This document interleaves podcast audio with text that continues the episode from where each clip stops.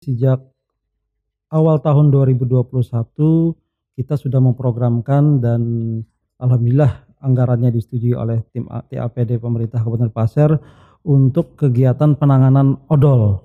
Odol itu adalah singkatan dari overdimension overloading terhadap angkutan-angkutan barang yang melewati jalan umum. Dalam hal ini sudah tentu uh, sejalan juga dengan program yang atau visi misi Pak Bupati dan Bu Wakil Bupati untuk peningkatan infrastruktur.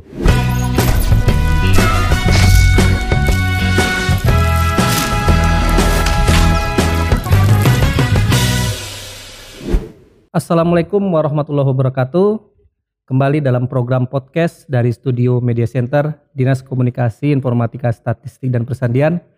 Kali ini kita menghadirkan narasumber Bapak Inayatullah, Kepala Dinas Perhubungan Kabupaten Pasir. Kita akan bahas masalah pengawasan angkutan atau muatan angkutan kendaraan dalam rangka mendukung program pemerintah pemerataan peningkatan jalan hingga pedesaan. Langsung saja kita sapa narasumber kita kali ini. Assalamualaikum Pak Kadis, apa kabar? Waalaikumsalam Mas Uja, terima kasih atas undangan yang kedua kalinya di acara podcast Obral Saran ini. Ya, Pak Kadis, eh, dalam beberapa bulan belakangan ini uh, Pak Bupati dan Ibu Wakil sudah melakukan peninjauan kerusakan jalan terutama di jalan-jalan pedesaan. Salah satunya jalan di perbatasan antara Kerang menuju Tanjung Aru. Nah, di situ uh, tentunya uh, informasi yang kami terima Disub punya program pengawasan pengawasan angkutan muatan ya, muatan kendaraan. Mungkin bisa dijelaskan Pak, sebenarnya program itu dalam rangka apa tujuannya itu? Baik. Kaitannya dengan kualitas jalan kita. Baik, ya. Jadi sejak awal tahun 2021 kita sudah memprogramkan dan alhamdulillah anggarannya disetujui oleh tim TAPD pemerintah Kabupaten Pasir untuk kegiatan penanganan odol. Odol itu adalah singkatan dari overdimension overloading terhadap angkutan-angkutan barang yang melewati jalan umum. Dalam hal ini sudah tentu uh, sejalan juga dengan program yang atau visi misi Pak Bupati dan Bu Wakil Bupati untuk peningkatan infrastruktur. Karena pembangunan infrastruktur, khususnya pembangunan infrastruktur jalan harus didukung dengan pengawasan setelah atau pasca pembangunannya. Memang untuk pembangunan jalan uh, tidak selamanya kerusakan jalan itu karena angkutan yang melewati di atasnya. Bisa jadi juga karena kondisi kualitas jalan pada saat pembangunan yang uh, kurang tepat sesuai dengan uh, spek teknis yang disyaratkan. Namun demikian, kami dari Dinas Perhubungan dengan adanya kegiatan ini uh, siap melaksanakan kegiatan pengawasan dan memonitoring terhadap angkutan-angkutan barang ya di wilayah Kabupaten Pasir agar uh, baik itu dimensinya, muatannya, kelaikan kendaraannya itu sesuai dengan apa yang disyaratkan. Apalagi yang kami laksanakan adalah uh, peraturan yaitu Undang-Undang 22 tahun 2009 tentang LLAJ maupun peraturan daerah Kabupaten Pasir sendiri nomor 9 tahun 2018 tentang tata niaga dan pembatasan angkutan sawit. Hmm. Jadi pada intinya bahwa angkutan barang baik sawit batu bara sebenarnya tidak dilarang melalui jalan umum, tetapi ada persyaratan-persyaratan yang harus dipenuhi. Hmm ketika mereka melalui jalan umum nah, tersebut. Nah, itu apa aja Pak persyaratan-persyaratan sesuai dengan undang-undang LAJ dan Perda kita, ya. Taniaga Buah Sawit? Baik. Yang pertama adalah e, muatannya itu harus sesuai dengan kelas jalan yang dilewati. Nah, kalau kelas jalan yang ada di Kabupaten Pasir ini e, insya Allah tidak ada perubahan adalah kelas 2 sesuai yang telah ditetapkan. Itu muatan harus tidak melebihi dari 8 ton. Kemudian dimensinya baik itu panjang, lebar maupun tingginya, di mana panjangnya tidak melebihi dari 12 meter, tinggi tidak melebihi dari 4,2 meter, dan lebar tidak melebihi dari 2,5 meter. Selanjutnya juga kelaikan kendaraannya, karena angkutan barang berarti dia harus selalu melakukan kegiatan uji berkala di eh, pengujian kendaraan bermotor. Jadi tanda bukti dia hasil melakukan uji berkalanya tersebut akan kita cek apakah sesuai dengan kondisinya saat itu. Uh, apabila tidak sesuai dengan kondisi saat itu sudah tentu akan dikenakan sanksi terhadap kendaraan-kendaraan yang lewat tersebut. Begitu pula terkait dengan tata cara pemuatan. tata cara pemuatan juga sudah disyaratkan di dalam aturan-aturan tadi bahwa tidak boleh melebihi dari 8 ton. uh, uh, itu muatannya, Heeh. Uh, tapi tidak boleh melebihi dari uh, ukuran dari bak yang Mm-mm. ada dari kena angkutan barang Dimensinya tersebut, ya, dimensinya dimensi ya. tersebut, ya begitu. Nah, kalau untuk teknisnya nanti pengawasannya seperti apa, Pak? Di sub sendiri atau seperti apa nanti? Baik, ya. Jadi di dalam kegiatan yang akan kita laksanakan ini dan sebenarnya sudah sudah pernah kita laksanakan kemarin di di bulan Ramadan di daerah Kuaro, kita membentuk tim gabungan yang di SK-kan oleh Pak Bupati, yaitu terdiri dari Dishub, Polres Pasir, Kodim 0904 dan juga Satpol PP. Karena yang kita tegakkan adalah aturan, baik aturan undang-undang maupun perda. Nah, di mana di dalam pelaksanaan tersebut memang sesuai ketentuan eh, Disub boleh menindak itu dilakukan oleh PPNS Disub, Mm-mm. hanya oleh PPNS Disub. Jadi anggota-anggota yang lain sifatnya adalah tim pendukung. Nah, tapi itu pun boleh dilakukan hanya di terminal dan di jembatan timbang.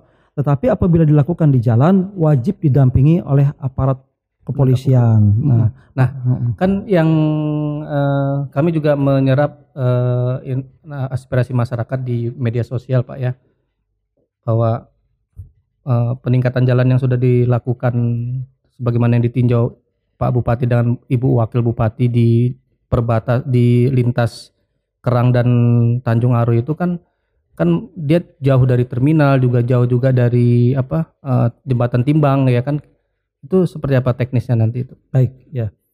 Untuk teknis pelaksanaan apabila itu jauh dari lokasi terminal maupun jembatan timbang, seperti saya sampaikan tadi, eh, Disub bisa melaksanakan penindakan sepanjang didampingi pihak Polres. Mm-mm. Itu secara teknis eh, personalnya. Mm-mm. Tapi secara teknis pelaksanaannya karena terkait dengan muatan yang akan kita cek atau kita kontrol dalam hal ini sudah tentu eh, tidak bisa kita eh, melakukan eh, pengecekan muatan kalau jauh dari jembatan timbang. Rencana jembatan timbang kita yang akan dibangun yang sedang dibangun oleh Kementerian Perhubungan ada di Kuaro, tapi kondisi yang kita lakukan pengecekannya adalah di di kerang eh, di Kerang. Jadi oleh karena itu perlu alat timbang portable. Oh. Dalam hal ini yang memiliki adalah Balai Pengelola Transportasi Darat atau BPTD sebagai perwakilan Kementerian Perhubungan yang ada di Balikpapan.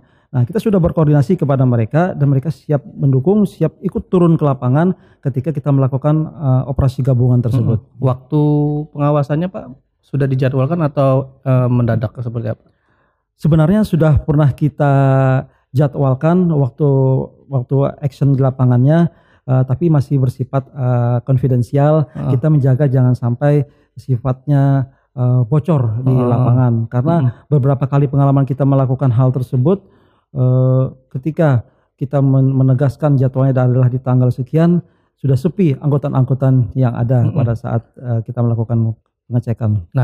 Eh, gimana Pak di sub eh, menyiasati eh, kan pasar ini luas betul ya Mengaw- menyiasati pengawasan ini supaya efektif ya artinya pengawasan secara seluruh hampir menyeluruh gimana di sub ini Pak Baik, ya. apakah di desa aja atau di kota juga atau seperti apa Baik, ya.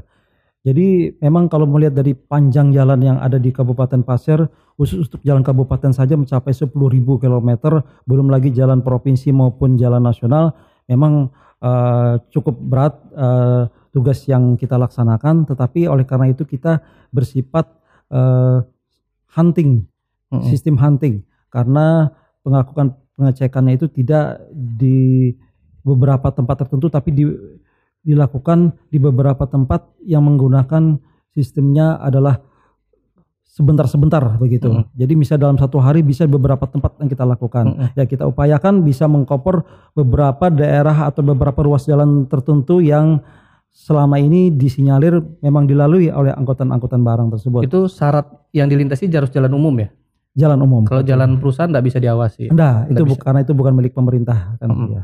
Pak kalau misalnya ini kan melibatkan tim penanggung jawabnya tetap di sub tetap di sub, Pak. Makanya di dalam SK itu tetap eh, ketuanya atau apa namanya pimpinan eh, timnya adalah Kadisub.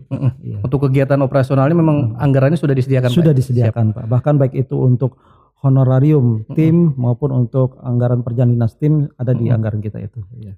Eh, nanti yang tadi Pak Kadis bilang ini artinya bisa mendadak tiba-tiba ada pengawasan Iya.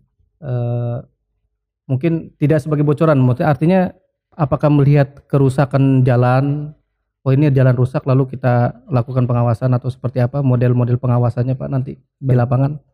Jadi sifatnya dinamis Pak. Jadi yang pertama sudah tentu adalah hasil dari eh, survei tim Hmm. kami sendiri bahwa daerah-daerah yang disinyalir banyak dilewati angkutan barang itu yang menjadi tujuan-tujuan utama. Yang kedua juga daerah-daerah atau ruas-ruas jalan yang baru selesai diperbaiki. Nah, Hmm. seperti yang yang baru ditinjau oleh Mm-mm. eh, Ibu Wakil Bupati tersebut. Itu menjadi prioritas utama kami juga. Mm-mm. Dan yang ketiga ada daerah-daerah yang memang eh, punya potensi untuk dilalui angkutan-angkutan barang tersebut. Makanya Mm-mm. kami juga men- mencari informasi terkait eh, perusahaan-perusahaan angkutan ini daerah-daerah mana yang biasa, biasa dilewati mulai dari dia mengambil sampai dia membawa ke tempat tujuannya. Mm-mm. Ya. Untuk jalan-jalannya kan kita punya tiga kategori jalan nasional, jalan provinsi, jalan kabupaten yang kita awasi, jalan kabupaten aja. Eh, kalau menurut ketentuan tidak ada batasan, Oh. kita diberikan kewenangan untuk mengatasi semua jalan Mm-mm. baik itu yang statusnya jalan nasional, provinsi maupun kabupaten. Mengingat Mm-mm. karena eh, kalau hanya dibatasi atau digolongkan seperti itu, sudah tentu pemerintah pusat akan kesulitan mengawasi jalan nasional yang ada di seluruh Indonesia. Sudah tentu Betul. mereka perlu dukungan dari pemerintah daerah. Mm-mm. Pak, ini sebelumnya di SUP ini pernah melakukan kegiatan seperti ini Pak ya? Pernah, Pernah ya? Iya. Terus kegiatan ini kembali lagi dilakukan Pak ya? Iya. Memang sudah direncanakan tahun sebelumnya? sudah pernah direncanakan Mm-mm. tahun sebelumnya. Memang kalau tahun sebelumnya itu kita laksanakan eh, mengacu kepada eh, undangan dari BPTD. Tadi yang tadi sebutkan Mm-mm. Balai Pengelola Transportasi Darat, mereka mengundang kita, mereka melakukan pengawasan di Kabupaten Pasir dan kita dilibatkan di dalam kegiatan tersebut. Namun karena ini sesuai juga dengan program untuk kita mengatasi over dimension overloading, jadi kita pikir juga kita perlu memiliki program sendiri juga. Mm-mm. Makanya baru setahun ini program ini disiapkan kegiatannya di, Mm-mm. di, di Dinas Perhubungan. Kalau untuk progres pembangunan jembatan Tibang seperti apa sekarang Pak? Progres jembatan Timbang untuk 2020 kemarin masih eh, sampai dengan land clearing. Jadi untuk 2021 ini Masalah tanah ya? Tanahnya, Ya, aset? ah, ah, ah. Jadi untuk 2021 ini adalah untuk kegiatan pembangunan fisiknya. Mm. Nah, insya Allah di 2021 ini targetnya selesai, jadi 2022 sudah bisa dioperasionalkan. Mm-mm, ya. Nah Pak, eh, andai kata pada saat di lapangan tim ya, karena karena ini tim ya melibatkan di sub tadi Pak ya, kepolisian, Kodim, Satpol PP ya Pak ya. Iya. Apabila nanti saat di lokasi menemukan pelanggaran, apa tindakannya nih Pak? Ya, baik. Jadi kalau mengacu ke saran dan masukan teman-teman di BPTD, seperti mereka pernah lakukan di beberapa tempat sebelumnya dan juga kita rencana insya Allah juga melibatkan mereka, kita akan melakukan langsung melakukan sidang di tempat. Mm-mm. Nah, oleh karena itu juga kita akan melibatkan bapak-bapak dari kejaksaan dan pengadilan. Mm-mm. Nah, makanya dalam mengatur jadwal ini juga kita mensinkronkan jadwal di bapak-bapak kegiatan bapak-bapak di pengadilan dan kejaksaan agar bisa eh, mereka turut serta ke lapangan. Mm-mm. Jadi ketika ada pelanggaran langsung diberikan sanksi tilang, langsung disidang di tempat. Itu Mm-mm. Pak. Terus nan- nanti untuk muatannya yang berlebih itu ditaruh di mana itu? Nah, muatan berlebih itu kita ada dua apa namanya ada dua eh, alternatif eh, penanganan. Yang pertama dia harus mengurangi muatannya, kelebihan muatannya silahkan diambil oleh rekannya yang lain, Mm-mm. angkutan tem- rekan yang lain. Mm-mm. Atau kalau tidak ya mobilnya kita tahan Mm-mm. kalau tidak bisa melakukan hal tersebut. Mm-mm. Ini program ini kan baru kembali laku dilakukan tahun ini Pak ya. Betul. Eh, untuk tahun depan ada lagi. Ya, kita upayakan harus harus menjadi program rutin dinas perhubungan, Pak. Ya, jadi Pak untuk program ini walaupun baru dimulai di 2021 juga akan tetap kita programkan terus di tahun-tahun berikutnya menjadi program rutin dinas perhubungan, Pak. Tadi kan ini eh, kalau untuk personel di sub yang dilibatkan berapa? Kalau idealnya Pak untuk dalam pengawasan itu berapa personil nanti yang dilibatkan? Kalau untuk personal di sub sih sebenarnya kita harapkan banyak difokuskan kepada PPNS. Oh PPNS. PPNS. Cuma karena posisi PPNS kita sekarang ini hanya dua orang, sudah tentu perlu didukung teman-teman eh, dinas perhubungan yang lain yang bukan PPNS tapi lebih bersifat sebagai tim pendukung. Mm-mm. Jadi mereka di lapangan nanti agar tidak menyalahi ketentuan mereka tidak melakukan pengecekan, tidak melakukan penilangan tapi hanya sebagai tim pendukung yang mengatur kondisi pada saat terjadi Mm-mm. uh, operasi gabungan tersebut. Kalau untuk personil di subnya sendiri diharapkan sebenarnya PPNS itu ada sampai lima orang, Pak. Ditambah lagi dengan non PPNS lima orang menjadi 10 orang untuk di subnya saja. Mm-mm. Belum lagi ditambahi dengan teman-teman yang ada di Polres, Kodim dan Satpol PP. Mm-mm. Eh, untuk eh, re- rekomendasi tindakan yang dilakukan di lapangan nanti itu Pak, apabila yang melakukan ini perusahaan ini berlaku juga itu tadi. Sama, Pak, berlaku untuk semua, Pak. Mm-mm. Bahkan kalau untuk perusahaan ada ketentuan bahwa mereka harus memiliki surat izin angkutan barang khusus tidak berbahaya. Mm-mm. Itu harus dimiliki oleh setiap perusahaan ketika mereka menjalankan atau mengoperasikan angkutan-angkutan barangnya seperti misalkan sawit ataupun batu bara. Itu ngurusnya ke mana Pak? Ke Kementerian Perhubungan. Oh, Kementerian. Perhubungan. Iya, makanya kalau mereka tidak memiliki itu sudah tentu langsung kita tindak. Siap siap. Eh, terakhir mungkin Pak Kadis harapannya dari program program pengawasan ini dari dinas perhubungan harapannya seperti apa eh, untuk eh, kualitas jalan di Kabupaten Pasir gitu. Baik, ya.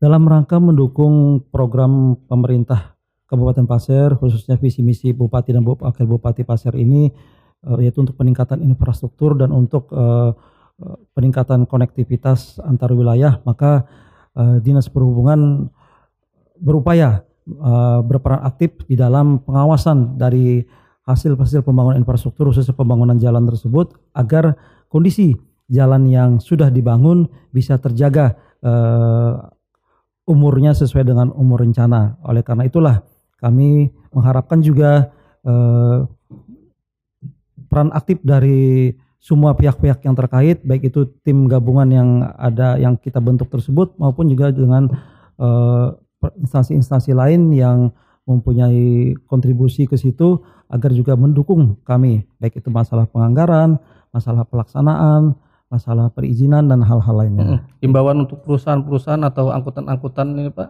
Ya, supaya seperti apa dia baik. Mm-mm. Ya, himbauan kami kepada perusahaan yang jelas taatilah aturan Mm-mm. yang berlaku ketika eh, bapak-bapak mengoperasikan angkutan barangnya melewati atau menggunakan jalan umum. Beda masalahnya kalau dia menggunakan jalan khusus atau jalan miliknya sendiri atau jalan khusus yang punya perusahaan lain yang mereka sewa. Tetapi ketika menggunakan jalan umum sudah tentu itu milik masyarakat banyak. Nah, jangan sampai eh, kondisi jalan menjadi berubah menjadi sebelumnya kondisi mantap menjadi tidak mantap karena akibat penggunaan yang mereka lakukan. Oleh karena itulah eh, taati aturan yang berlaku baik itu untuk masalah ketentuan muatan, masalah ketentuan dimensi, persyaratan-persyaratan dokumen administrasi yang kita tetapkan. Nah, apalagi dengan kita melibatkan tim gabungan ini sudah tentu bapak-bapak dari pihak Polres juga akan melakukan pemeriksaan terhadap SIM, STNK dan BPKB.